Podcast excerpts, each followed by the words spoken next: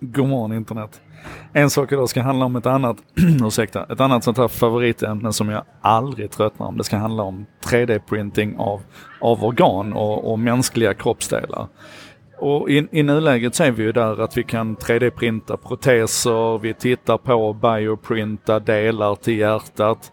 Eh, vi har gjort framsteg när det gäller levern och sådär. Men att, att printa ett komplett människohjärta, det bedöms som alldeles för jävla komplext. Tills nu. och det här, nu ska vi ha klart för oss att det här är ju otroligt experimentellt och det är långt ifrån klinisk eh, närvaro. Det är, det är till och med långt ifrån kliniska tester på människor och sådär. Men, men så här är det, ett, ett forskarteam i Tel Aviv, de har alltså de har 3D-printat ett, ett inom citationstecken mänskligt hjärta. Det är väldigt litet, det är i storlek av ett, ett kaninhjärta men rent anatomiskt så är det ungefär som ett mänskligt hjärta. De kan också 3D-printa det man kallar för patches, alltså eh, delar eller segment av mänsklig vävnad som alltså innehåller allting som mänsklig vävnad ska innehålla inklusive blodkärl. Och det man gör det är helt enkelt att man, eller helt enkelt, hur fan kan jag säga så? det man gör det är att man extraherar egen vävnad ifrån den här människan. Man tar alltså en biopsi och extraherar lite vävnad, eh, fettvävnad och sådär. Och sen så separerar man den här vävnaden så att man tar till exempel eh, proteiner som kollagen och, och glyko, eh, vad heter det, det heter eh, glykoproteiner, alltså sådana makromolekyler som innehåller både protein och kolhydrater och sådär. och så. Och så processar man dem i en sån här hydrogel så att den liksom den får växa till sig och man får gott, av, om, gott om av det här eh, bioinket, det här eh, materialet som du sen då ska, ska printa med.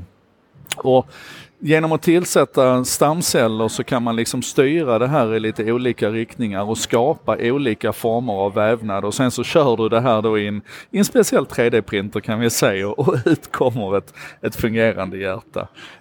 Um, och, och det här är ju eh, helt otroligt magiskt. Ni, ni, ska, ni ska söka på, vänta ska vi se här vad ni ska söka på. Ni ska gå in och så ska ni googla på 3D printing of personalized thick and perfusible cardiac patches and hearts och titta på de här bilderna. Det här är alltså en publicerad rapport i eh, Advanced Science.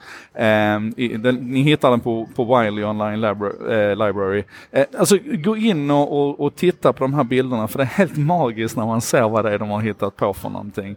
Och nu är då nästa steg här det är att man ska operera in det här i, eh, i djur.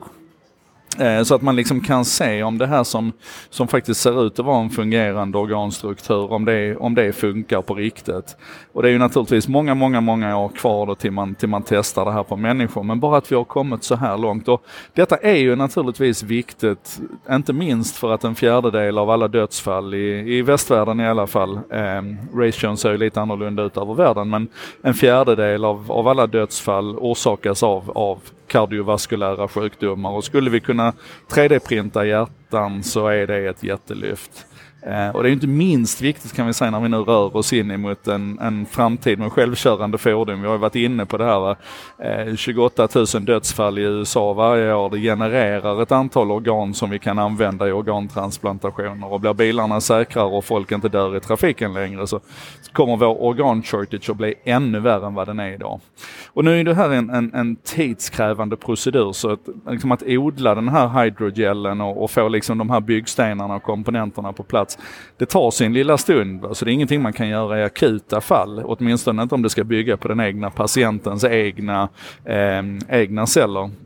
Men, men många gånger är det ju inte fullt så bråttom. Vi har ju folk som ligger i kö idag och väntar på nya hjärtan i månader och år. Och då kanske vi ändå skulle kunna hinna printa det där hjärtat. Jag tycker det här är så fräckt. Så kolla nu på det här. Um, och det här var en sak idag. Eh, på onsdag imorgon är det skärtorsdag. Eh, det betyder att jag kommer hålla påsken lite grann off ifrån de här publiceringarna. Men jag kommer se till att på Instagram stories och på min personliga Facebook stories lägga ut lite kortare, snabbare reflektioner över saker och ting som jag tycker är spännande. Det är inte alltid positiva en sak idag grejer utan det kan vara lite mer negativt också.